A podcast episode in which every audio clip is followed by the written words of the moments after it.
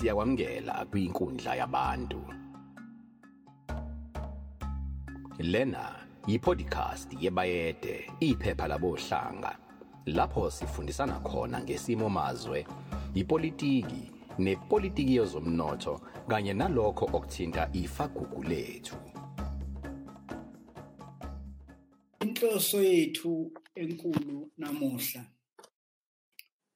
Ukuqala uchungechunge lapho khona abohlanga eh ongaba ngamaZulu ongaba amashangana ongaba amaswazi ongaba besuthu ama-Afrika nje onke siwanika khona inkundla lapho ezokwazi ukuthi angagcini ngokuphefumula kuphela ngalokho akubonayo ngezihlalo zobukhosi. Kepha futhi bafundisane noma bafundiseke ngazo izihlalo sibe nenkinga sibe nenkinga gogo uma silalela noma sifunda imibhalo yabanye babafundi bethu izinga lokungaqondi ngokuthi siyini isihlalo. Abantu baphambanisa isihlalo nomuntu ohleli esihlalweni. Mina ngimbiza ukuthi uli ungumzukulu weyinyanda ezulu akayona inyanda ezulu ngamafuphi ngokwazi kwethu isihlalo ngeseyinyanda ezulu bese sihlala umzukulu weyinyanda ezulu baphikisana abantu ngabazukulu baphikisana nabazukulu benza amaphutha bese amehlo ethu esuka kulokho kumqoka okuyisihlalo. Yeah. Namuhla ke sizoqala lolo hambo lokubonisana lokufundisana ngesihlalo ngoba imfundiso yethu ithi isihlalo simqoka ngoba kwekuthi ngisho lohleli kuso enamaphutha. Siyaphoqeleka thina abathandi besihlalo ukuthi sidlulisa amehlo ethu kulo wenyama esimbone namaphutha sihloniphe isihlalo. Kubo bonke abenguni uma kunesikhathi lokuthiwa yishwama noma umkhosi woswelwa ohlele esihlalweni uyasuka kuso kukhuleke isizwe esihlalweni okuveza ukuthi simqoka kangakanani isihlalo kunaloyo hleli kusona. Inkulumo yethu kuyanamuhla nakuleli sonto izobe iveze okukhulu uma ikwazile ukuthi isambulele eh, ngokujula eh, kwesihlalo asikho ke kumabona kude eh labathi umabona kude mina ngiye ngithi television ngoba itelevision asiboni kude. Eh asikho ku television asikho emsakazweni siyaxoxa nje. Njengoba siqale sixoxa mina nawe kungonakele lutho namanje akonakele lutho. Siyafundisana ngenza ukuthi uma usekhaya ucabanga ukuthi kuzobuye kuyiwe izitolo kuyiwe phi cha siyaxoxa. Senze sijwayele ukwenza. Eh logogo uma sithintana. Eh kuthini ukuphawula kwakho nje gogo uma usangena eh lapha bekhona abalaleli bethu? Eh mkhulu angiqale ngokubonga ngibonga isimemo. Eh into eyenza ukuthi ngibonge ukuthi njengoba ungimemile ukuthi eh sibe nale nkulumo eh ngivumile ngoba ngesixhosa kuthiwa ndilicephe.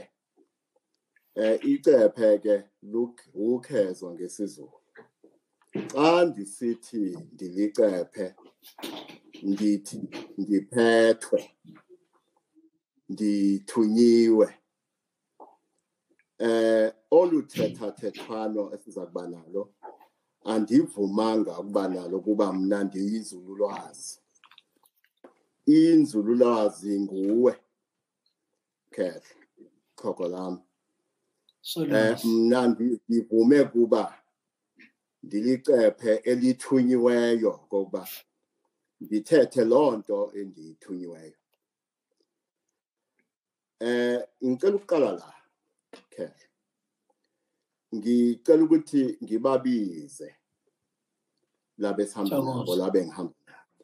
Lamakhehla amadala ney'ntombi ey'ndala esihamba nazo. Ngicela ukuthi ngiwabize amakhosi amakhulu.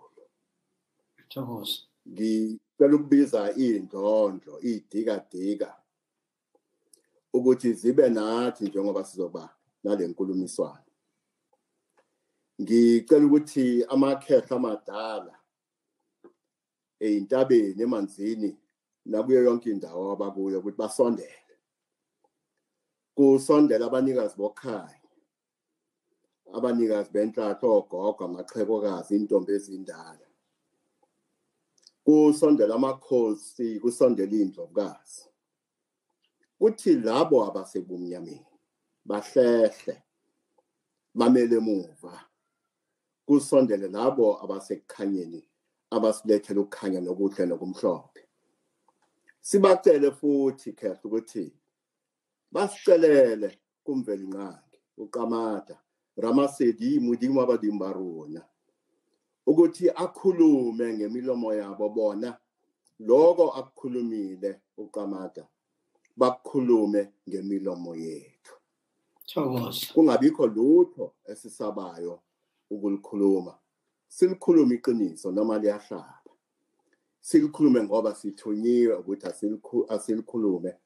Siyithethe inyani nokuba iyahlaba nokuba kukho abo abaza kuthi ezi zinto sizithethayo umhaji thokoza. Isicelo sami sesibini khehla yokuba xa siqalayo ndiza kucela okokuba ndithethe ngezinto mna izinyanya ezindibonisa zona ngobukhosi ngamaphupho nangezinye indlela. Sithi sakugqiba siqhubekeke ke sincokole.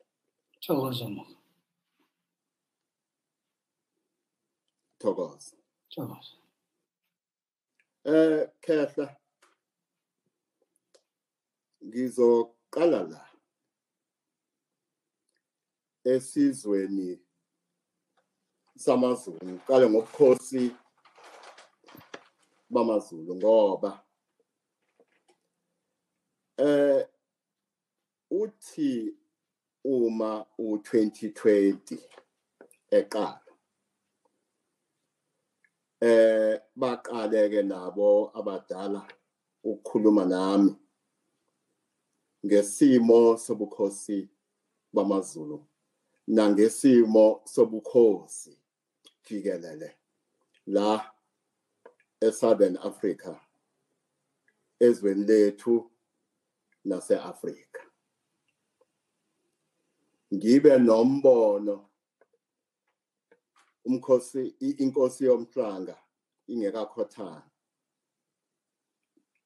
ngiboniswa inkosi yomhlanga ihlezi nothize engimaziyo. Kodwa andizi ukulithetha igama lakhe. Bahleli bayancokola. Hawu ndithi ndakujonga. Nansi le ndoda ikhuphe intonga yayo. Mm ikhiphe induku yayo. Mandithi intongana le ayiphetheyo. Hayi ashaye isilo. Siwe sithi sesiwile isilo aqhubeke ngokushaya. Bathi ke ogogo nomkhulu mabexoxa nami bathi yini le esikubonisa yona? Ucabanga ukuthi sikubonisana hayi ngiphendule engikuphendulayo. Base bethi bona sikubonisa ukuthi isilo samabandla sizowa ngokushaywa khona uzosishaya noma bakhona abazosishaya siwe njengoba sikubonisa ephuphweni. Baqhubeke. Bathi kodwa ke eh ukuwa kwaso ukuwa kwesizwe ngoba eh bathi ke phecelezi ngesingisi ungabi literal mawubheka ukushaywa nokuwa kwesilo. Okumele ukukhumbule ukuthi ukuwa kwaso ukuwa kwesizwe samaZulu. Ukuwa kobukhosi ngokukhothama kwaso isiko ngoba siwile nangendlela esiwe ngayo kuzokhothama ubukhosi nesizwe silandele. Kodwa babuye bathi ukuze lokhu kugwemeke kuzomele sisondele kumvelinqangi sisondele kubadala ngoba sesaqhela. Eh ngisho ukuqhela kwesizulu angithethi ngokujwayela ukuqhela kwesixhosa. Or angithi mhlawumbe mangiyibeka ngesixhosa sesaqhela sesajwayela ukuqhela ukumela kude edlozini nokumela kude kumvelinqangi bathi ke omkhulu nogogo ukuze le ngozi abangibonisa yona igwemeke kuze kufuneka ukuthi sisondele kubadala sisondele kumvelinqangi ngoba miningi imilayezo abasiphathele yona ekufuneka sizwile luningi ulwazi abasiphathele lona. Uma sikuthatha lokho abasiphathele kona ubukhosi buzophila. Lapha ngikhuluma ngobukhosi bamaZulu ubukhosi babenguni ubukhosi ezweni nasezwelikazi lethu leAfrika. Kodwa uma senqaba ukuba siyala asibuthathi asiluthathi ulwazi abasiphathele lona ubukhosi buza kufa nesizwe siza kufa. Babuye ke ngenye imini bandibonise isizwe. Eh ingathi elihlokondiba labantu lesizwe liya esibhakabhakeni luyenyuka engathi ziyinyosi luyenyuka luya esibhakabhakeni. Apha esibhakabhakeni kunesikroba kunembobo okufuneka isizwe esi elihlokondiba labantu besisizwe ekufuneka bagqithe kuso. Ukuba bagqithile kuso makwenzekile ukuthi badlule kule mbobo isizwe sizophila. Ngithe ngisabheke lokho isizwe siholwa isilo lesi esanda kukhethwa esanda kubekwa. Awu sifike sishayeke kule mbobo singakwazi ukudlula. Awu ihlokondiba eli enithetha ngalo labantu umuntu ngamnye bawe. Besuka isibhakabhakeni bawela phansi bayakuphahlazeka phansi isizwe siphahlazeka phansi kuba asikwazanga ukugqitha. Kule mbobo. Baphinde futhi bandibuza ogogo ba ithetha ukuthini lento ndithi mina kubo em lembobo elikroba eh ngelamakhumsha iopportunity ukuthi ke singabantu. Nenkokheli zethu nabo abasiphetheyo ukuthi kuxhomekeke kuthi okokuba siza kukwazi na ukugqitha. Eli phupho lithi kum asizugqitha siza kuwela phantsi siphahlazeke isizwe nelizwe nelizwekazi ubukhosi buphahlazeke. Xa singayimameli into ethethwa kuthi ngabadala xa besithi kuza kufuneka sisondele kubo sisondele nakumveli nqangi uqamata ramasedi. Ukuba sikwenzile oko sabamamela siza kugqitha ubukhosi buzalwe kabutsha isizwe ilizwe nelizwekazi. Zizalwe kabusha. Mandigqibelise ngale ngaphambi kokuba eh siqhubeke khehle eh kuthi kwezinyanga zimbili zigqithileyo babuye ogogo nomkhulu bathi kum lento esithi yidemocracy intando yeningi izwa kufa. Bathi kum uyabona na okokuba ininzi labantu liyaqhela? Nditsho ngesizulu ke iningi labantu liyaqhela eh ngoba alisenalo ithemba kosopolitiki nepolitiki nayo intando yeningi. Lokhu sithi democracy iyafa. Babuye bathi inkinga esinayo ukuthi ubukhosi ngobabo obamaZulu obabenguni ubukhosi bezwe nezwekazi buphelele nabo buyafa. Bathi inkinga ke ukuthi uma singakwazanga ukusigwema lesimo into zokwenzeka ukuthi ekufeni kwabo masiyibeka ke phecelezi ngesingisi kuzoba naloko esithi i-vacuum. Konke kuzowela phakathi kule vacuum. Emva kalokho kuzovela okusha ngoba njengoba besho ngesingisi i-vacuum nature does not allow i-vacuum. Ngamanye amagama ke okuzothatha indawo yobukhosi. Okuzothatha indawo yalentando yeningi. Isimo esizoba bucayi. Okuzo sizokhungathwa okumnyama. Size sikhohlwe nokuthi ukukhanya kukhona. Kodwa konke lokhu kungagwemeka. Bungasinda ubukhosi.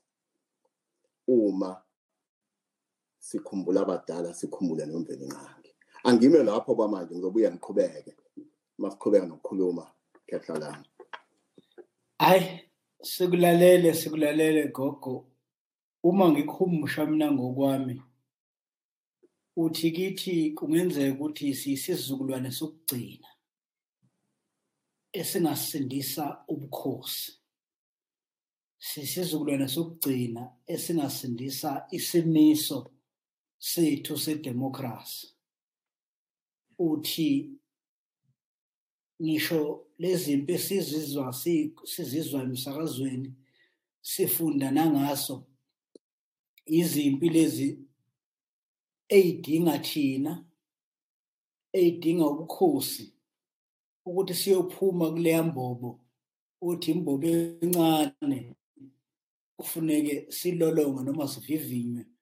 Ukuthi singakwazi yini ukuphuma kuyona. Engikuthanda enkulumeni yakho awusho ukuthi umuntu oyedwa kufuneka aphume kuleya mbobo. Uthi sizwe sonke kufuneke sikwazi ukuphuma kuleya mbobo.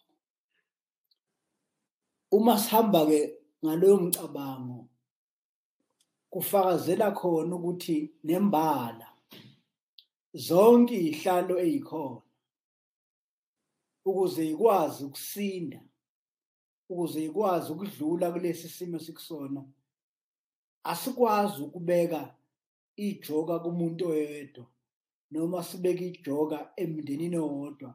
Ngeke sithi indlunkulu ayenza ukuthi singabe sisasho ukuthi sizwe sona asenze ukuthi ukuze siphume kuleya mbobo. Ngani na? Ngoba lesi sihlalo safungelwa ngokhokho bethu bonke. Akekho wabaphoqa ukuthi babe lesihlalo bavumelana emva kokuthi beqhudelanile bayivume ingqwele ukuthi ingqwele nesizulu ke kunento engiye ngiyichaze ngithi yinhle iwumdlalo omuhle eh umqondo wenqwele. Inqwele kuyena umuntu okuhlulayo noma umsabayo umuntu ophumelele ngaleso sikhathi owamukelayo ukuthi ungumholi wakho. Nayo ingqwele qobulwayo iyavuma ubungqwele bayo ngokuthi ibe yisibonelo kulabo abayithatha njengengqwele lapha ke sithi ngeshwa lethu imizi emkhulu ibaya ezinkulu indlunkulu ingqwele yethu isibe namaphutha. Hayi kuphela kwaZulu. Hayi kuphela emampondweni hayi kuphela kangwane hayi kuphela emaxhoseni eAfrika. Uma ke ingqwele siqhuzukile isho ukuthi akade belandela ingqwele kababe yikhuni zokuyivuselela uma esekubonakala ukuthi umlilo uyanhlinhla. Uthini wakho umbono lapho gogo? Hayi chego uyichanile masikhumbuzane chego okokuba. Um lento esithi intando yeningi idemocracy. Eh futhi kuleli izwe lethu nasemazweni amaningi ezwenikazi leAfrika ile democracy owuhlobo lwe-liberal democracy. Lokhu esithi liberal democracy intando yeningi. Uhubhu lukabhejane. Ngokushiso yini lokho? Ngikushiso ukuthi masithi idemocracy intando yeningi kuzofuneka siyibuze ukuthi iningi obani ezwenikazi le-Afrika iningi ama-Afrika. Ngiphinde ngibuze futhi ukuthi uma kunjalo eh amasiko esiphila ngawo awobani? Awaleningi lama-Afrika yini? Noma amasiko esiphila ngawo namehlo esibheka ngawo impilo awaleningi lama-Afrika noma amasiko abafiki ababevela eEurope. Bafika lana basiqhwaga ubukhosi basiqhwaga ubuthina sikhuluma nje. Ubukhosi namakhosi ethu aguqa ngedolo phansi anqule akhonze lokho okwafika nalabafiki baseEurope ziningi izinto abafika nazo. Okunye kwako ilento okuthiwa intando yeningi idemocracy. Angisho khehle ukuthi abantu abangayibusi. Indlela esibuswa ngayo akusiyo indlela mina mangibhekile abadala babefuna ukuthi siyibuse ngayo noma sibuswe ngayo. Indlela esiyibusa ngayo nendlela esibusa ngayo indlela esiyiboleke kulabafiki base-Europe abafika basiqhwagela okuningi babuye futhi basiqhwagela ubuthina base besitshela ukuthi amasiko ethu awalungile. Ubukhosi abulungile. Ubukhosi kuzawufuneka bushaya idolo phansi bukhonze bona. Bafika nenkolo yobuKristu angiyigxeki inkolo yobuKristu ngoba inkolo yobuKristu ayinayo inkinga. Inkinga akusiyo inkolo yobuKristu inkinga amaKristu yilamaKristu afika evela eEurope. Ayisebenzisa lenkolo ngobugwenxa. Besithi nalo Yesu ufana nathi ungumlungu.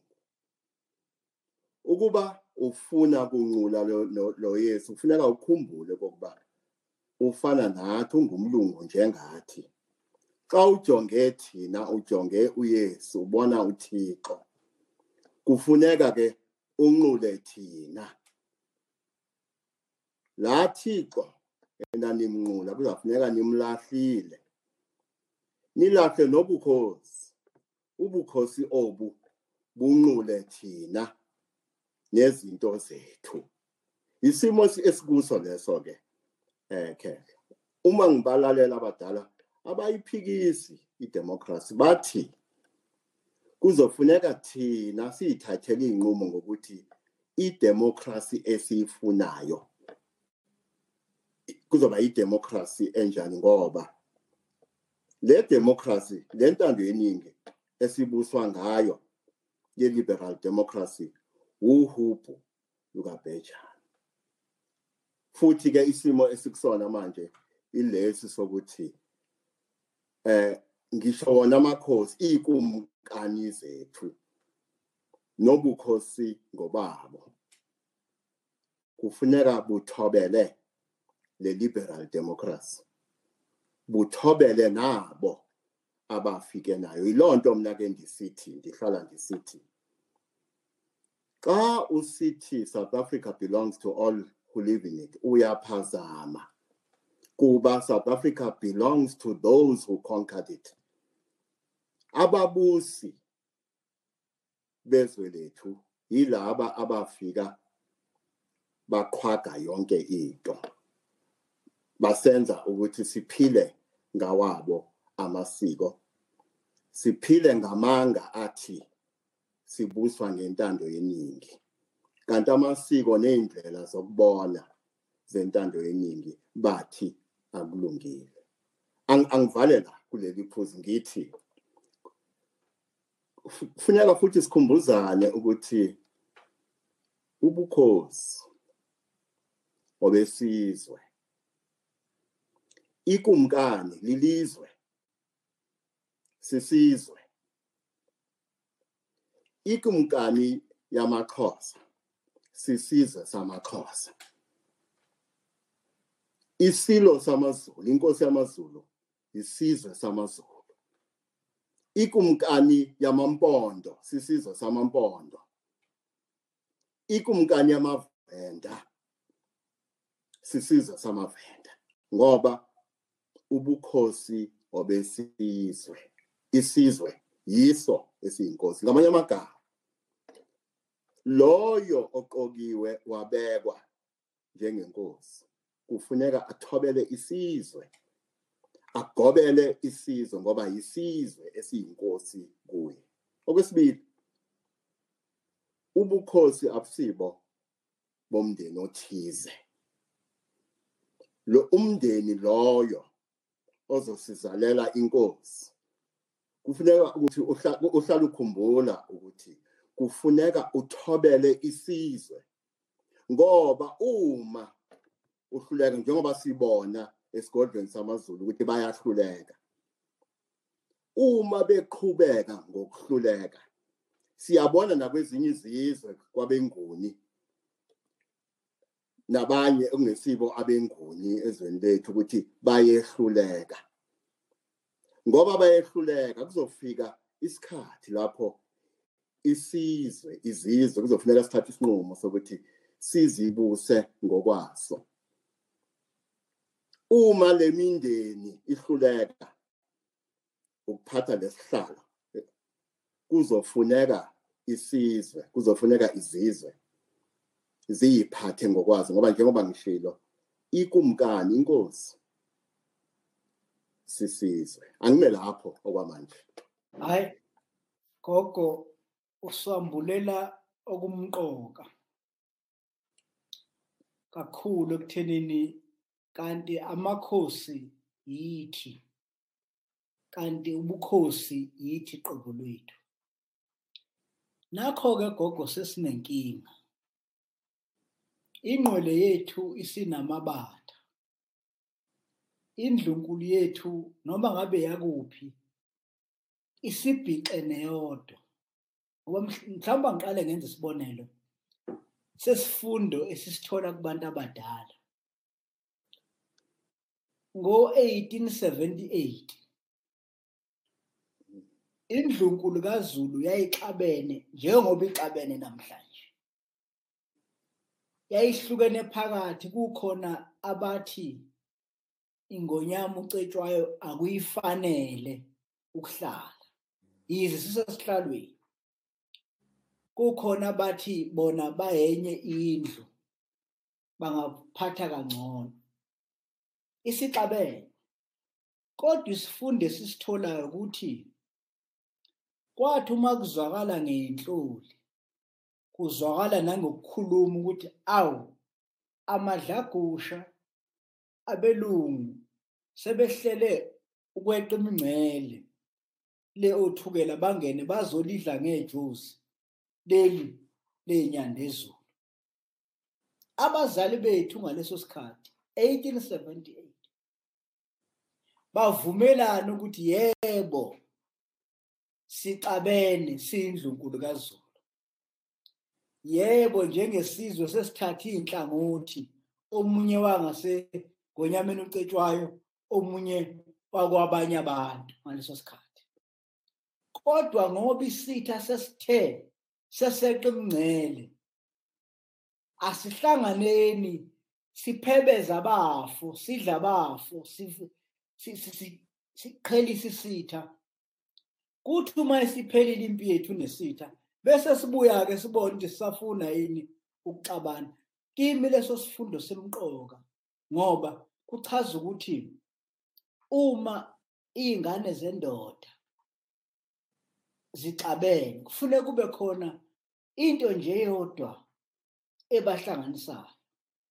Into keyodwa eyahlanganisa uZulu ngaleso sikhathi kwaba ukwazi ukuthi uma bafo sebeqa imingcele ngeke basakhetha ukuthi wena ubukuluphi uhlangothi. La beya khona bayolanda isigodlo sakho sebekwehlulile. Namanje ke gogo angazi uthini wakho umbono ngoba ingqole zethu kwaXhosa ingqole zethu emampondweni ingqole zethu kwaZulu ingqole zethu emandebeleni ziyaxabana.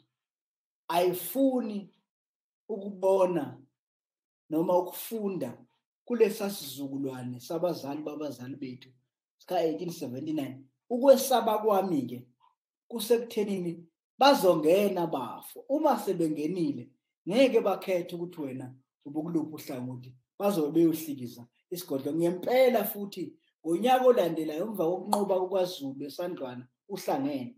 Kwathi ngalesikhathi usuhlukana ngawo lowo nyaka 1879 banqoba ngomasingana badla amangisi esandlwana ngoba behlangene. Babuyela ekhaya bahlukana ngo-1879 ngoJulayi 4 sasha kwenzeka into engakaze yenzeke. Lokhu kwabakhona uZulu kwashiswa inhliziyo kaZulu isigodlo senkosi ucetshwayo lapha ondini. Kuthini ukuphawula kungenzeka yini ukuthi ngalokuhlukana kwethu bazongena bafo bayishise futhi inhliziyo kaZulu bayishise futhi inhliziyo yabengulo gogo. Ngokwami ukubona eh khehla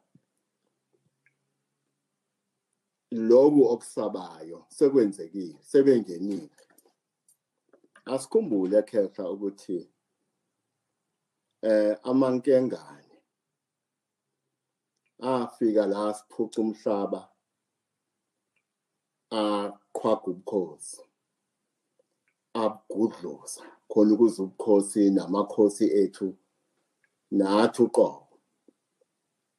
Sikhonze bona futhi sikhonze eh amasiko abo. Uyabona eh uma lenkulumo esinayo manje besiyenza ngesingisi ngabe ngiyashelela nje impela. Ngiyateketa kuba lamankenga afika athi nezilimi zethu eh asilahle phansi. Sikhuluma nje eh siyisizwe sabamnyama siyizizwe ezahlukene zabamnyama siyagula. Ikakhulu thina abafundile siyagula siphethwe isingisi. Ungacabanga ukuthi isingisi ulimi nje akubalekile ukuthi ukhulumane ungakhuluma iAfrikaans noma isiGerman noma isiZulu. Kanti ulimi luhamba namasiko luhamba futhi nendlela eh yokubheka izimo ezithize eh ezibetha umzi omnyama. Eh ulimi futhi olukhulumayo luza la emehlweni. Izinto ke uthi uma uyibuka uyibone ngokwesiko lalolimi olukhulumayo. Njengoba thina ke sigula siphethe isingisi amehlo ethu abona ngesingisi. Eh ingako izinto zibheda ngalendlela ezibheda ngayo. Okwesibili qheko eh amankenga abafiki laba ababevele eEurope yebo kuningi abasiqhwagela kona kodwa asingakhohlwa ukuthi masibheka ubukhosi base South Africa baningi abaseyihlalweni zobukhosi ebekungamele ukuthi baseyihlalweni zobukhosi babuqhwagile. Abanye babuthole ubukhosi ngoba okhokho babo babuqhwaga ubukhosi. Bathi ke abadala isimo lesi kumele sisibheke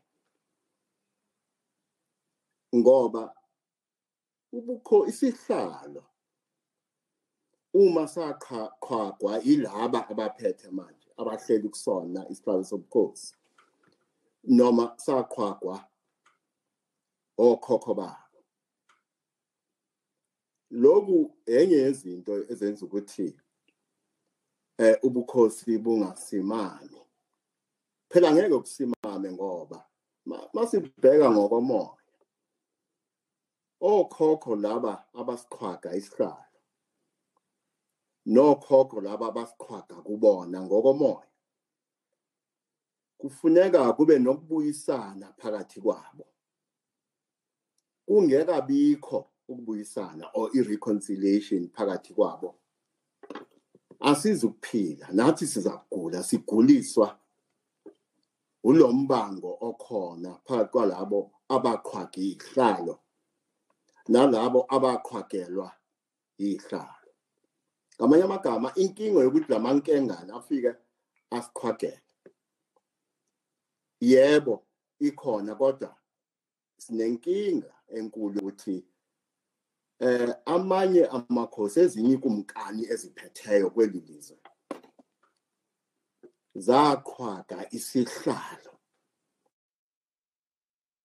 Lokho kwenza ukuthi isimo esinako ngokwenyama nangokomoya ukuthi ngokomoya amakhehla lamadala eh aqhwagela ihlalo. Nala aqhwaga ihlalo kufuneka ukuthi thina ngendlela ithize ngama-ritual nama-ceremony ngokuphahla nangezinye iy'ndlela sizame ukuthi kube nokubuyisana phakathi kwabo ngoba kungekabikho ukubuyisana phakathi kwabo. Ngokwenyama ngeke kube khona ukubuyisana. Ingako sizothola ukuthi isimo sobukhosi nesizwe nezizwe kuzoba yilento. Um obuyiyo manje sikhumbule futhi ukuthi kukhona phakathi kwethu abangenwe yimimoya yamakhehla aqhwaga leyihlalo zobukhosi. Ukhuluma ngokusha kwesikole ngesikhathi sikacetshwayo. Wathengiswa ucetshwayo. Ngeke sakhuluma-ke ukuthi wathengiswa obani. Ngizobuza nje umbuzo ukuthi le mimoya yalamakhehla athengisa ucetshwayo ayefuna ukuqhwaga ubukhosi esebenzisana namangisi kwakuwobani? Yayifunani? Ikuphi manje? Phela umoya phela umzimba uyafa kodwa umoya uyaqhubeka uphila uphi lo moya? Asithi umoya waloyo owathengisa ucetshwayo ngoba efuna ukuqhwaba ubukhosi esebenzisa amandla amangisi asiyibuzi ukuthi umoya walelo khehla noma imimoya yalawo makhehla ikuphi? Elami lithi iyaphila. Iphinde ngibuze ukuthi iphila kuphi? Mhlawumbi lemimoya iphila apha phakathi kwethu kukho apha phakathi kwethu abangene abangenwe yile mimoya. Uba kunjalo ke baza kusihlupha kuba baza kuhlala befuna ukuqhwaga ubukhosi kuba bengenwe yile mimoya yayifuna ukuqhwaga ubukhosi. Le mimoya isafuna ukuqhubeka nalo msebenzi umnyama umdaka wokuqhwaga ubukhosi.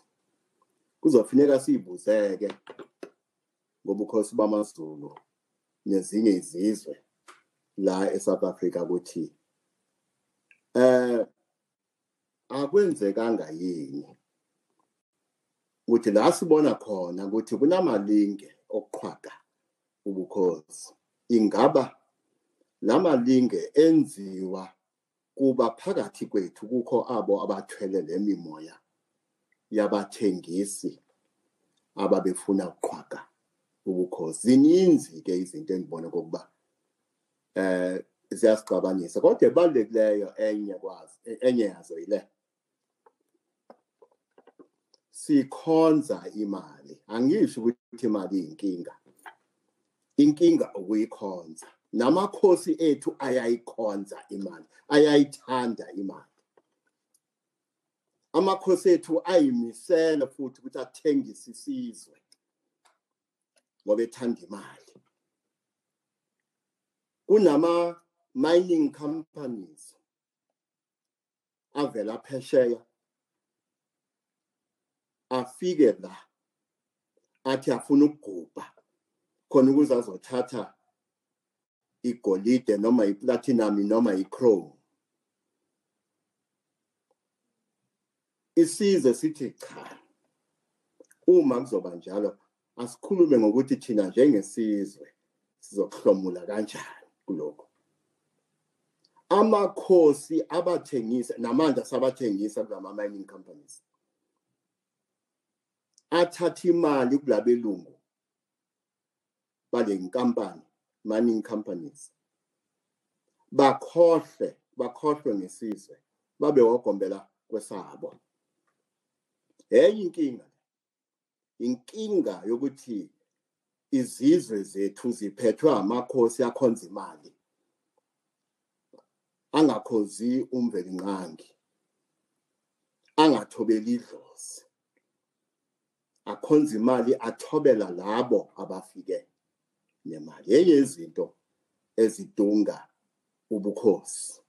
Angime lapho eh cheko hayi gogo usu usuhamba kwelinye izwe ke manje eh engithemba ukuthi abohlanga bazosukuma nawe ngoba uyaphakama ke manje. Eh ukhuluma ngento emqoka la. Ukhuluma ngomehluko phakathi kwendoda nenkosikazi siyibonayo ngenyama igila imkhuba uthi okungenzeka ukuthi ngisho singayinqoba sitshengisa abantu ukuthi iyaganga kepha nayo ungathola ukuthi yembathe uhlanya nomuntu wayevese sixova lapha esizweni. Umbuzo ke gogo uthi senza njani pho? Ngoba kungenzeka ukuthi sixabana nje thina benyama baxabana nje abenkosi ingane zamakhosi ziyaxabana nje kayixabene ngokwenyama. Zembathe impi zembathe abantu ababevese belethe impi lapha emndenini. Senza njani njengesizwe? Ngoba iqiniso lithi kusasa kuzothiwa umntaka. Kusasa kuthiwa umashiqa kusa bonke lo muntu omubi labantu ababi ukhuluma igama elijulile lokuthi basekhona. Kanti bona uma behamba imphefumulo yabo iqiniso ukuthi bakhona lapha esizweni. Senza njani pho? Ithini imisebenzi yabaphiwe njengani? Ukuthi basihlambulule ngoba kuyacaca. Akukwazi ukuthi kade siyisizwe sihlonishwa kangaka.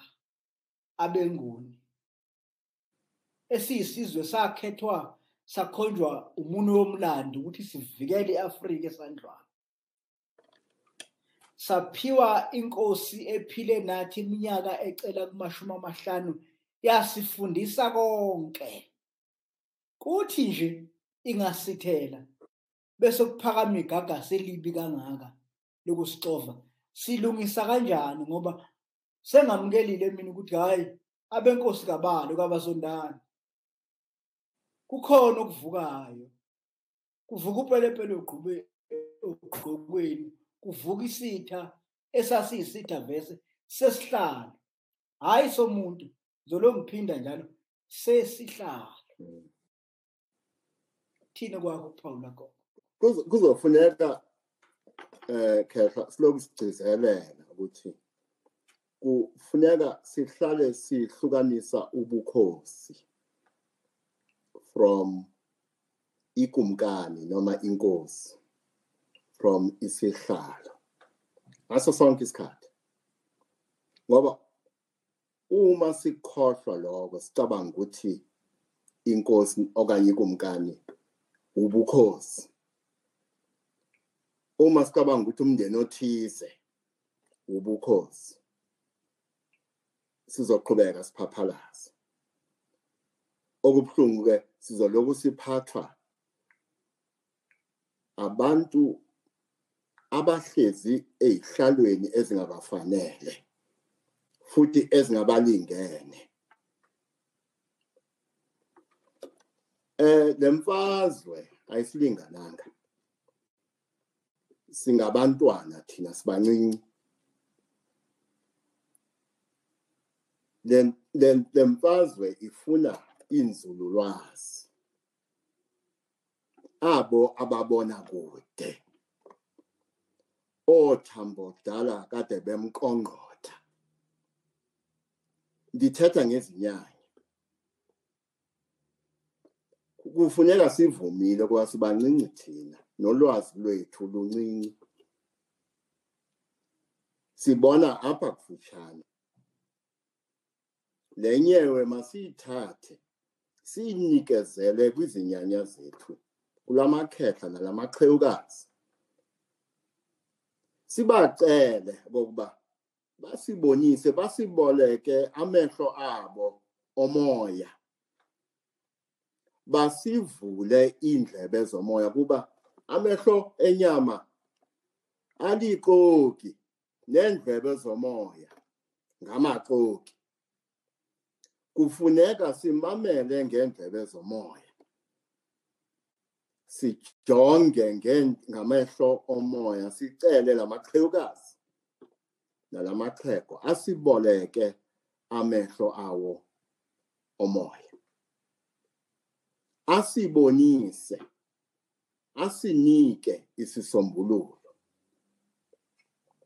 Iyokuqala into kufuneka siyenzile leyo. Bendiza kuthi xhego thina ababiziweyo sibizwa zizinyanya uba sibe ngamagqirha zizangoma zizanusi nako konke. Bendiza kuthi kufuneka sikhwele intaba sihlale pha iintsuku neveki neenyanga. Siyokumamela la maxhego namaxhegokazi sive kokuba athini. Sithi sakwehla sehle siphethe siphethe inyani nesisombululo. Bendiza kuthi iikumkani zethu amakhosi ayigibele intaba. Zihlale lapho amaviki noma izinyanga ngesinye isikhathi iminyaka ziyokulalela ukuthi abadala bathini amakhehla amadala lapha entabeni athini. Athi amakhosi ikumkani xa zisihla zehle ziphethe lenyani nokukhanya okuvela kulamaxhego namaxhegokazi bendiza kuthi masihambe siye emalwandle siye emilanjeni emikhulu apho saziyo khona uba le mimoya ihlala khona. Abanye bethu bangene phaa emanzini amakhulu namancinci bahlale noma ziveki noma zinyanga noma yiminyaka bangaphumi. Bengakayifumani inyani nokhanga benza kutsho njalo. Kodwa andizukutsho andizukutsho kuba usebenzise igama apha uthethe ngenhlambuluko. Thina sizizangoma singamagqirha thina siyabalaphi bendabuko siyizanusi nako konke. Kwathina sidinga inhlambuluko ngoba sithanda imali sikhonza imali. Ngoba sikhonza imali senza izinto ezingahambelani nentando yedlozi. Abokuqala abadinga inhlambuluko yithina yithina laba abagqoka amabhayi abahambe bethi makhosi this makhosi that. Yithina bokuqala ngoba yithina ebekufuna bekufuneka ukuthi sazi kangcono. Ngoba sisondele edlozini siyalizwa idlozi liyakhuluma nathi kodwa asililaleli. Nomveli nqangi asimkhonzi sikhonza imali. Ngamanye amagama siyafana nalamakhosi ngokuthanda imali ngokukhonza imali into eyenza ukuthi esikwenzayo kubulale ubukhosi bubulala isizwe nezizwe ngoba buphambukile entandweni yabaphansi. Nentando kaQamata. Enye into kufuneka siyikhumbulile is that ubukhosi ubizo mangibheka ke mina ke noma eh bexoxa nami abadala bayangibonisa bathi bheka leya nkosi bheka jonga lakho umkani babebizwe ngubani? Kuba lento lubizo. Bathi ke kuma hayi kaloku ngela xesha sasiphila apha singabantu begazi nenyama zininzi impazamo esazenzayo. Kodwa ke ngoku silapha singumoya. Siyazibona impazamo esazenzayo. Sibona kude sicinga nzulu sibona nzulu. Enye yezinto esingazange siyigqininise eyokuba ubukhosi ubizo ngamanye amagama ke isizwe ngaphambi kokuthi sibeke inkosi kufuneka sibheke kumveli nqangi sibheke kwabaphansi sibuze ukuthi ubani phakathi kwethu obizwayo ukuthi ayohlala? Kulesihlalo. Ngoba iningi lamakhosi asiphethe awabizwanga. Bathi ke kuzofuneka sibuyele esimeni lapho sizobheka ngakubona sibabuze ukuthi njengoba sekufuneka sibeke inkosi ubani nina abaphansi enimbizayo ukuthi ahambe ayohlala kulesihlalo ngoba lesihlalo sobukhosi isihlalo sobizo. Akusiso isihlalo osithatha ngoba une-surname ethize. Ungaba nayo leyo surname kodwa lokho akuphelele kufuneka ube nobizo kube abadala abakubizayo ukuthi iyohlala kuleso sihlalo. Ngamanye amagama-ke khehla thina siyisizwe nezizwe. Kuzofuneka sikhulume okokuqala ngenhlambuluko. Njengoba besengishilo kumele kuqale la abaqala badinga inhlambuluko lapho. Amakhosi adinga inhlambuluko. Isizwe nezizwe zidinga inhlambuluko. Kusho ukuthi asiqaleni ke manje. Sikhuluma ngokuthi sizophahla nini? Sizophahla kuphi?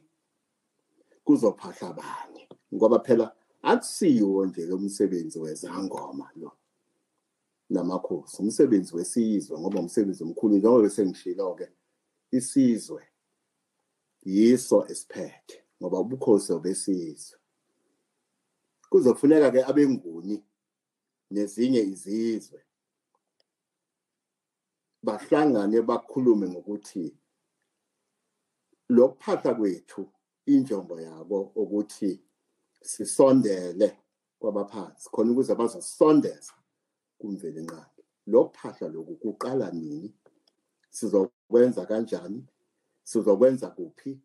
Yikuphi futhi esicelayo angiphinde ngime lapho khehle hayi yoba ngiye ngasho gogo sesigibela intaba manje osale lapha ongazizwanga usenkingeni.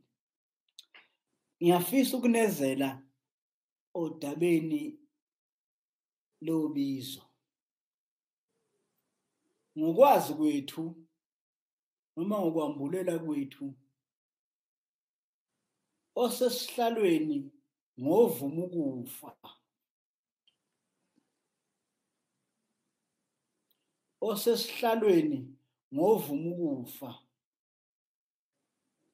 Ngizokwenza isibonelo kwaZulu ngoba inkulumo yethu yenzeka ngalesikhathi ukukhuluma noma injolozeli kwaZulu.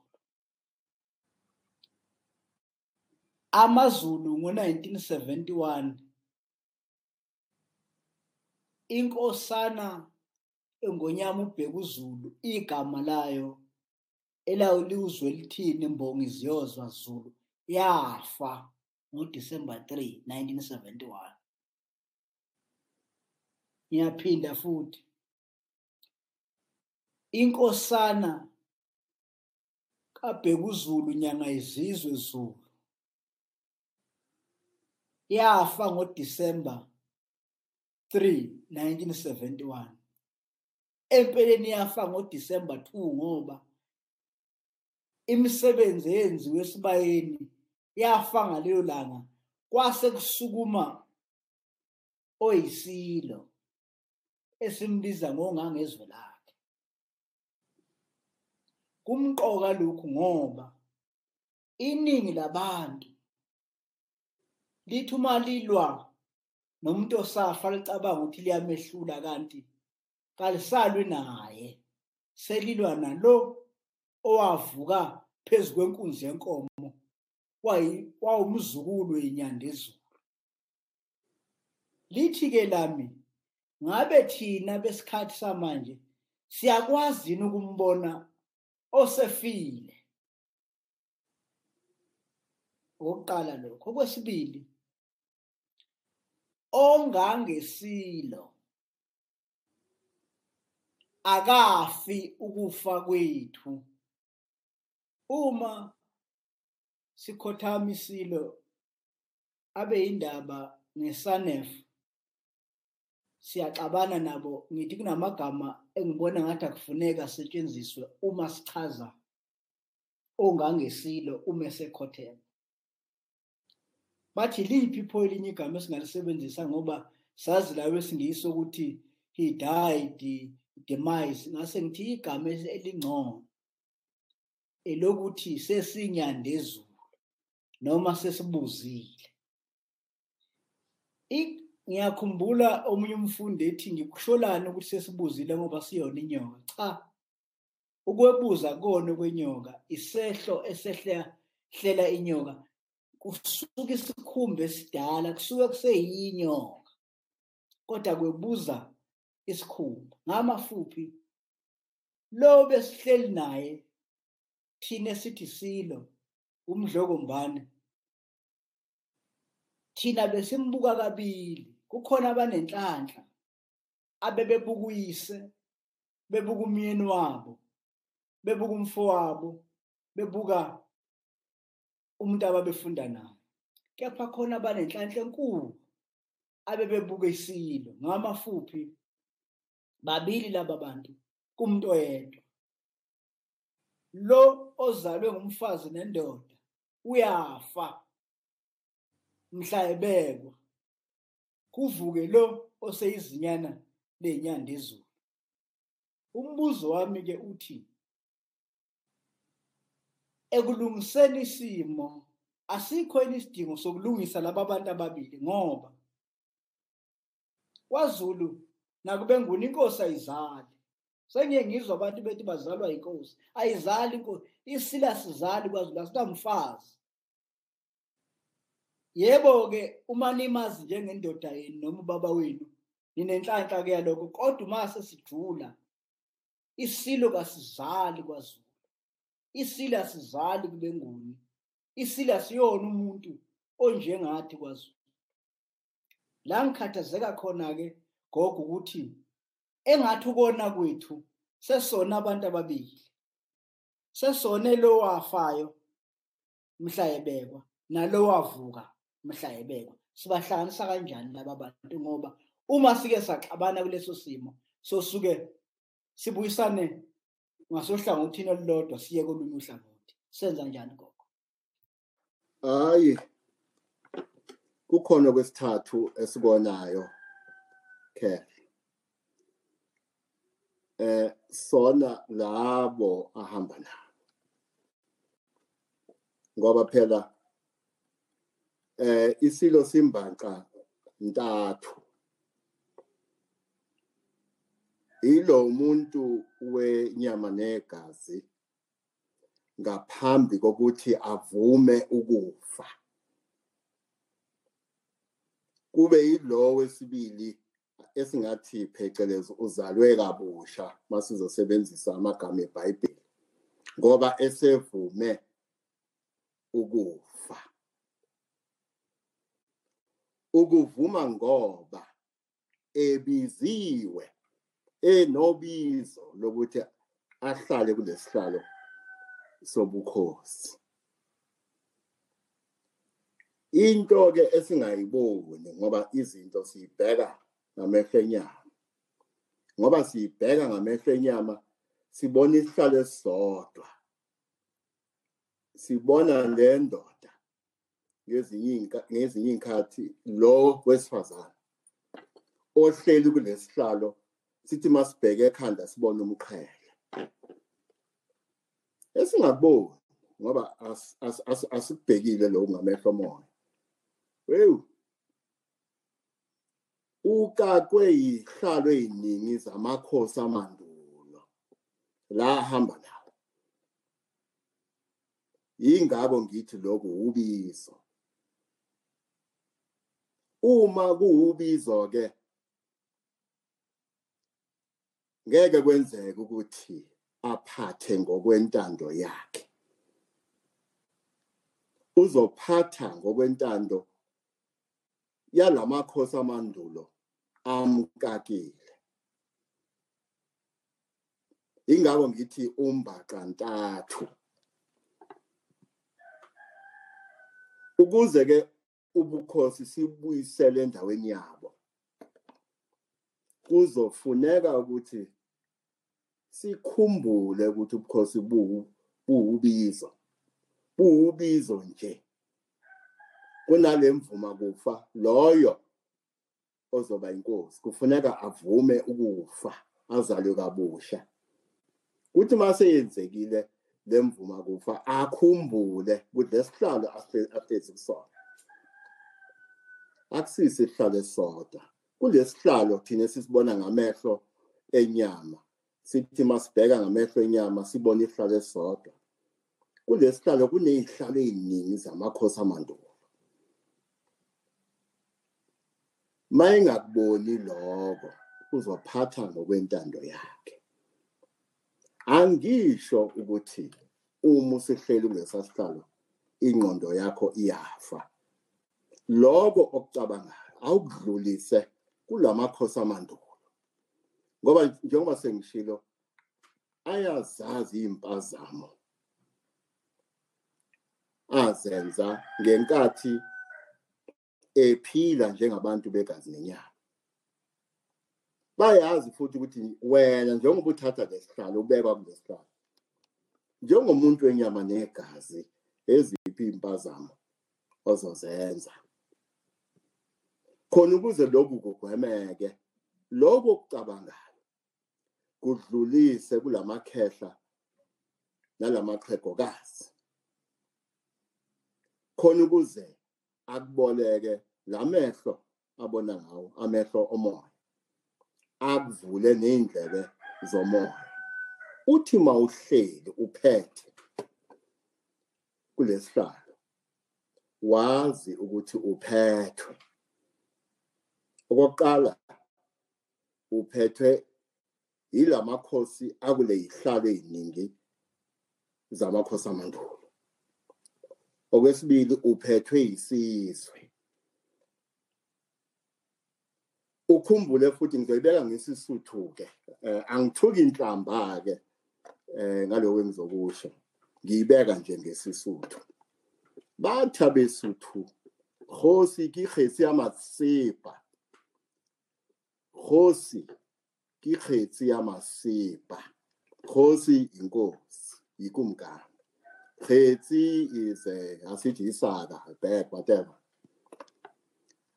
Eh masipa ke yitshe lendelwayo amanye amagama wazike mawuhleli kulesa sihlalo ukuthi awuzuloku ugqoka amasuti amhlophe ngoba abantu labantu lesizwe obizelwe ukuthi usihole. Bazoloku eh angithuki futhi mangi angithuki inhlamba ngikhulumela isintu bazokuphonsa ngamasimba ngoba bakuphethe kuzokumela ukwamkele lokho. Ngaphezulu kokuthi mawuvuma ukufa uvume ukuthi lesihlalo ohlezi kusona. Isihlalo phezukwaso okunezihlalo eziningi lapho kuhleli khona amakhosi amaningi amandulo. Okumele uwacela ukuthi akuboleke amehlo awo omoya akuvula indlebe zomoya. Angime futhi lapho ekhehla ubufakazi gogo nani bohlanga bokuthi oyinkosi noma osesihlalweni usuke avuma ukufa wathatha ingubo yabadala uyithola uma inyosi ingafundile. Ibongela inkosi usenza ngakhona. Ithi wayiphosa intambende mntakajama wayiphosa yayofika nasemazulwini. Nalapho iy'thutha zawo mageba zothi ziyakhola enqamuka amazwayibanga ibuka isihlalo esiphuma enkosini usenza ngakhona ukuthi lesi sihlalo siyoba sikhulu. Wayiphosa intambende mntakajama wayiphosa ayofika emazulwini. Nalapho iy'thutha zawo mageba ngamafuphi ngishaba lapha ekhaya bethi bayasilwisa siyoze siyofika emazulwini. Ithi inkosi ushaka umase ukucija umkhonto yona kanye nabakwafaka kangqungqushe kusho inyosi ibikela abangakezwa ibikela amampondo ithi nizeni ngamthinti nani bogambushe nani bofaku nizeni ngamthinti ngoba nike namthinta niyobe nithinta uphunga nathinta umageba. Okusho ukuthi ithi inyosi kithi lesi sidumbe nisibonayo lobuso enibubonayo okwamehleni kodwa lo uhleli esihlalweni sophunga noma ke. Amafuphi kumakhosi onke akhona noma ngabe le phambi kwethu asiyiboni kahle. Uma ke yafa yahlala esihlalweni sabafayo dlulisa amehlo akho ubheke isihlalo. Ngoba kuyenzeka gogo siwazonde noma siwathande amakhosi ethu ithi inkulumo yakwaZulu edelelayo ithi amanye amakhosana abeka ngomnandi bawonina kuthi ngoba yabekwa ngomnandi bawonina bese siyithanda kanti ayifanga ngoba indaba ilapha ekufeni ngoba ongafanga lapha kavuki abe lokho kade engakhona ngayizolo. Ngisamile ekutsheni mina mhlawumbe sikudingayo ukucela amandla okubona ukuthi simbona kanjani ofile wafelwa wahlala kulesihlalo ngoba bonke babizwa ngamagama afanayo. Bonke futhi nabo bayibiza ngalawo magama kodwa thina njengesizwe babona kanjani okhokho bethu? Ukuthi abasuke kwamthethwa abakwaZulu sebenenkosi yabo. Bathi nangu ofayo bathathe ilembe bayolifaka kwaZulu ngoba lifakwa ngabantu bakwaZulu ilembe. Lafakwa isizwe abantu ababevele ezibongweni ezahlukene bathi nangu esiboniswa ukuthi kufe yena. Umbuzo wami ke gogo uthi sizowathwatha phi lamehlo ukubona ukuthi labantu abasiholayo yibo impela laba bafa noma mhlambe siholwa ulaka labantu abevese bengasifuki ukuqala lokho. Okwesibili yini esingayenza njengesizwe ukulekelela imizi yey'nqwele zethu. Bakithi indlunkulu indlunkulu nesizwe indlunkulu indlunkulu ngoba isizwe ithenye inkulumo yabenguni ikhuluma ngebutho manje. Ithi ibutho lembathe isilo ngamafuphi awukwa uma lithi igama unomthebe khamba ngelichaze leli gama unomthebe inkosi yeyinyosi uma sitho sesihlalweni ngunomthebe sisho ukuthi uma wazi inyosi umuntu uyotapa uju lwazo awufiki ngoba zilala kuwe lapha zikusebenze ngeke ufike kunomthebe. Lithi ke lami ngokuvuma kwethu thina. Isitha sesifikile la kuhlala khona unomthebe isitha sethu sesifikile lapho kuhlala khona unomthebe kungekudala sizomthatha unomthebe yini unomthebe unomthebe ilokhu okubufakazi bokuthi sake sangabantu. Ubukhosi obukhulu emhlabeni jikelele kwama-Mongolians. Ibona kwakukhulu umhlaba wonke nanamhlanje akusakhulunywa ngakho ngoba isitha sathatha unomthelo akasekho okukhuluma ngaleso sizwe kunezizwe emhlabeni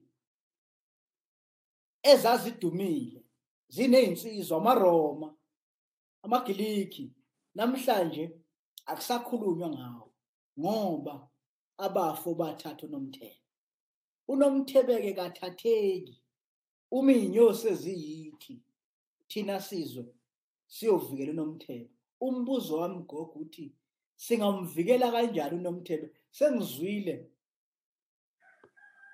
ngabangoma nabanye. Thina-ke esigabeni sesizwe singavikela kanjani unomthebe ngoba sekucacile kimi ukuthi siyisizukulwane sokugcina. Sekucacile kithi ukuthi uma kuye kwaphela lapha kithi uma kuphele lapha kithi akukho kuyophinde kuvuke siyokhohlakala nathi njengoba khohlakela ama-mongolians ubukhosi uba ubukhulu umhlaba wonke. Ithi ngoba makhosi uma beyinqabela esandlwana ukuthi ayiyolwa kuthiwa baye kwabelungu zithi iy'ngane ey'ncane ngoba makhosi sina siyokhomba ziphi ibazi? Zibuza kubantu abadala ukuthi nanomona ngento ekufuneke siyoyenza ngoba naseninemlando yokuvikela ubukhosi. Thina siyokhomba ziphi ibazi? Ngifisa kugogo alunguze ukuthi singakhomba ziphi ibazi ngoba sengamukelile mina ukuthi isitha sisafune muntu asifune mdala asifune nduna nanduna nkulu. Sifuna unomthebe sizoyithatha lento eyithi isitha kungekudala lizosha undi lizoshisa ubuyili undi. Kuzophela ngathi singamvikela kanjani nomthelo eh khefa angiqale ngokuthi sikhumbuzane ukuthi ubukhosi abudluleli emndenini othize noma emuntwini othize budlulela kwisizukulwane. Emva kwaloko ngikuphendule ngemibuzo enzima. Angifuni ukukuqonda mangikuphendula la ngifuna ukuphendula ngemibuzo. Okokuqala awucabange nje noma eyiphi inkosi ephilayo manje noma inkosi yamaZulu noma yamampondo noma eh yabesuthu noma yamavenda uyibuze lo mbuzo. Unomthebe usaphila yini? Usekhona yini? Noma isitha sesamthatha sambulala unomthebe mangikhuluma ngesitha ke ngikhuluma ngamankenga. Ngikhulume nesitha esiphila naso la ngaphakathi kwethu.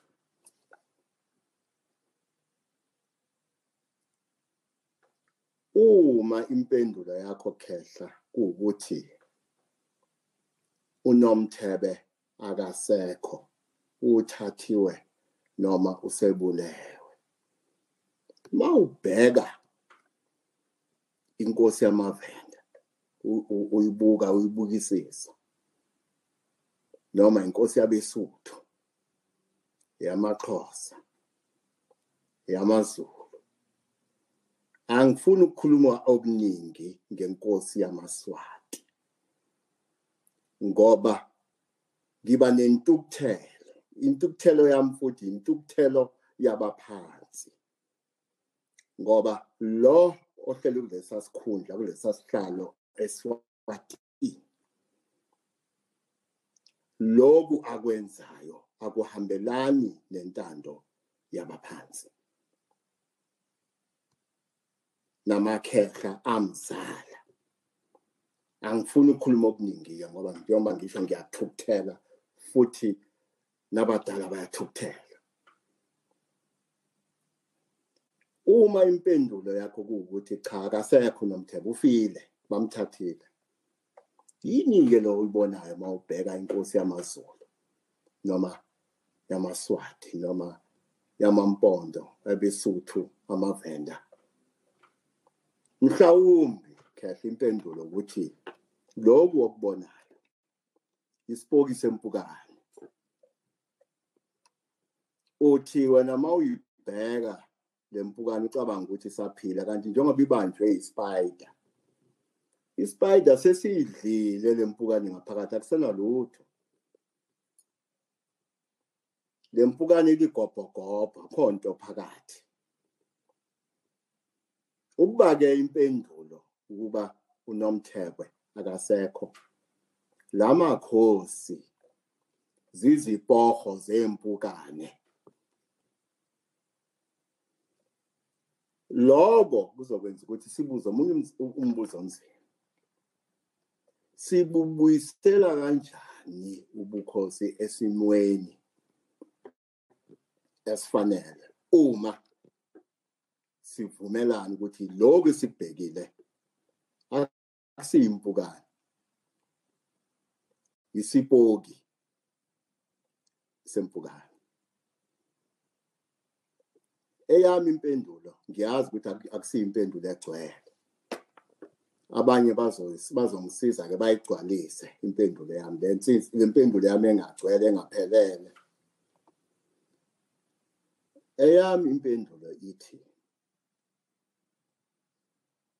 njengesizwe kuzofuneka sicele abadala. Basiboleke awabo. Amehlo uma sebesibolekile ke awabo amehlo. Izimo sikwazi ukuyibona ngawabo amehlo omoya. Kuthi noma sicabanga sicabange ngokomoya ngoba sesibolekwe lamehlo omoya abaphansi. Sibacele futhi ukuthi abatomule la phakathi kwethu. Labo abazokhuluma ngemilomo yabo. Basazise intando yabo. Basinike isisombululo. Ngamanye amagama angiboni ukuthi isisombululo uma ngempela kuyiqiniso ukuthi lokho esikubhekile yipoki zezimpukane angiboni ukuthi isisombululo sizovela kuloko okuyinkinga noma kuloko okungasekho. Isisombululo sizovela kuloko okukhona. Okukhona abaphansi namandla edlozi. Kuza kufuneka ke sicele kwizinyanya ukuba zisicunsulele zisiphe noma kukancinci lamandla azo. Zisiboleke amehlo azo. Kuthi xa sesifike kwinqanaba esifuna ukufika kulo okanye kweli nqanaba elifuna zizo siwabuyisele ke lamehlo abasiboleke wona. Yiloo nto mna endiyicingayo khehle. Hayi mbhaqo ndomane ndize mtshilibe. Wena kamzila nkatha siyathokoza kakhulu ngalokhu osusambulele khona. Sithokoza nakugogo esaziyo ukuthi umbathe yena udungezeni odunga amantula abathakathi. Sithokoza kunina nonke ukuthi nisondele kepha kukhona ukuthi kimi lesi bekuseyisiqalo ngoba lo myalezo gogo dungezweni odunga amatula abathakathi uyadingeka ukuthi uzwakale ngoba sihlebi muntu. Nabo laba abaqonde nalo daba asinqeni kuba sikhulume lokho sikukhulumayo ngoba uma sithi osesihlalweni kufuneka afe namavikela sihlalo namafelankosi nawo kufuneka afe ukuze akwazi ukuthi amlekelele lo osefe wavuka. Ngamafuphi siyacela banqo ndomane ndize mtshilibe ukuthi niphinde nivume ukuthi niphinde nisondele. Ngoba imiyalezo siyitholayo lapha yabantu abathi asiqhubeke ngeshwa sikwazi ukuqhubeka manje isikhathi esingasekho. Kepha siyathembisa ukuthi lokhu sikuqophe lapha sizokufaka kuzo zonke iy'nkundla zokuxhumana ngoba akuhlangene namaZulu kuphela akuhlangene nabenguni kuphela nakuba besuthu nakuwa amaherero nakuwa amanama nakubo bonke abase-Afrika. Lo myalezo engicabanga ukuthi siwukhuluma lapha uwumyalezo oqondene nawo. Siyavuma-ke linabenkosi ukuthi kungenzeka ukuthi sifikelwe isimo esibuhlungu ukuthi uLumumba ngelinye ilanga. eDRC mase yobulawe sekhashelwa ngabafowabo.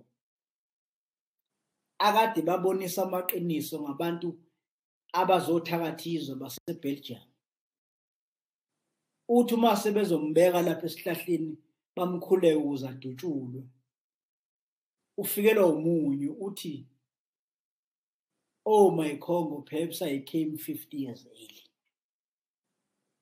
Khalela izwe lakubo ukuthi kungenzeka ukuthi ufike sheshe wafika bengakavumeli noma singakafika isikhathi sokuthi bamuze ukuthi uthini.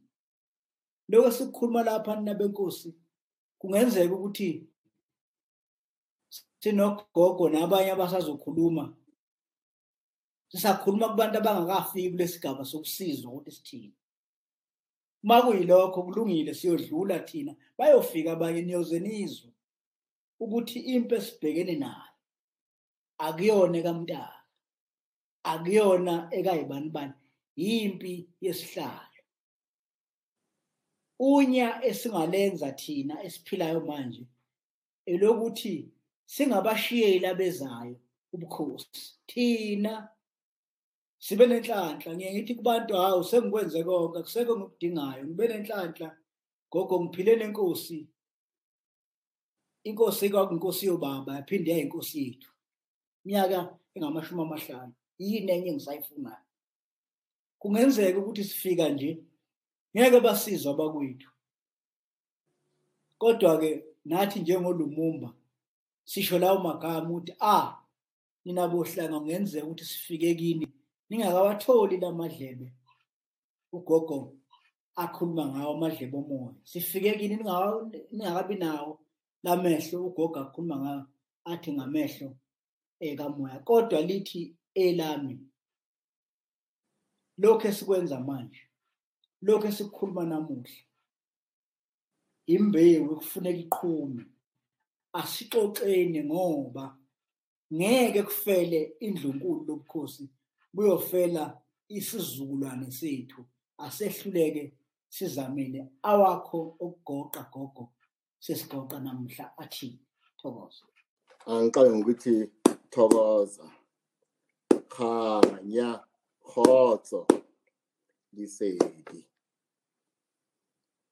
eh angiphinde ngibonge eh mkhulu ukuthi ungimemile. Ngibongele nabadala ukuthi eh njengoba bengike ngasho ndilicephe ndiphethwe ngibonge ukuthi bandiphile ubulumko bokuba xa ndibizwa ndisabele ngithumeke engikucelayo ke ukuthi ngiyazi ukuthi kunezinto esiyishilo khehla ezizohlukumeza iy'nhliziyo ey'thize nemimoya ethize. Abanye baza kuthi le nto ibithethwa apha ihuqa umhaji abanye baza kuthi lamazwi esiwazile ayiswane. Engizokucela ke ukuthi eh kulungile ke uma inhliziyo sihluthukile kodwa asithi masesihlezi emakhoneni ethu sithandaza noma siphahla sicele ukuthi thina as individuals uqamata mvelinqange ramasedi asiphe ubulumko. Asiphe nokuzithoba. Asiphe ubulumko bokumamela. Simamele kuba izinyanya ziyathetha ngalo lonke ixesha. Sithi abangevayo. Masikhe ke sizinike ixesha lokokuba kwiikona zethu. Silibale ingqondo zethu nokuhlakanipha kwethu. Silibale ukuhluthuka kwenhliziyo. Forget about our narrow interests. Sibeke isizwe phambili. Lokhu futhi ngifuna ukukugcizelela sengikhuluma nawo amakhosi nazo ikumkani. Mazihlale zicingisise ngezi zinto sizithethileyo. Ukuba ikho inyani nokokuba incinci kangakanani na kwezi zinto sizithethileyo bazithobe bajonge edlozini bajonge kuqamata bacele ubulumko. Buthi bakufika babuyele kwiinkosi zabo. Iinkosi zabo ke zezi zizwe abaziphetheyo. Camakho enhla nasezantsi siyabonga. Siyabonga ngogodo ngezweni odunga amantula abathakathi siyabonga mbhaqo ndumane ndize mtshilibe. Sibonga kini nonke izinyanda ezulu. Nabo bonke abakhona lapha ngoba njengoba ulapha nje nawe umi lapho kwakumkhona okhokho bakho makukhunywa ley'ndaba endulo. Sibonga kuleya nonke nabesilo sibonga kuleya nonke nabamakumkani sibonga nanonke nabey'ngwenyama sithi uma kungephakame ngesikhathi sethu kulungile kuyophakama nangosinye isikhathi. Uma ngabe sikusho namhlanje kusenza sibe zintotho viyana ezinukayo kulungile phela umuntu wemlando ukhethe thina ukuthi sime lapha siyosuka ngelinye ilanga. Bayohlala nabanye bantshene lamaqiniso. Siyathokoza. Thokoza. Ubulalele inkundla yabantu. Lona ngomunye umkhiqizo ohlanganiswe yigunundu podcast.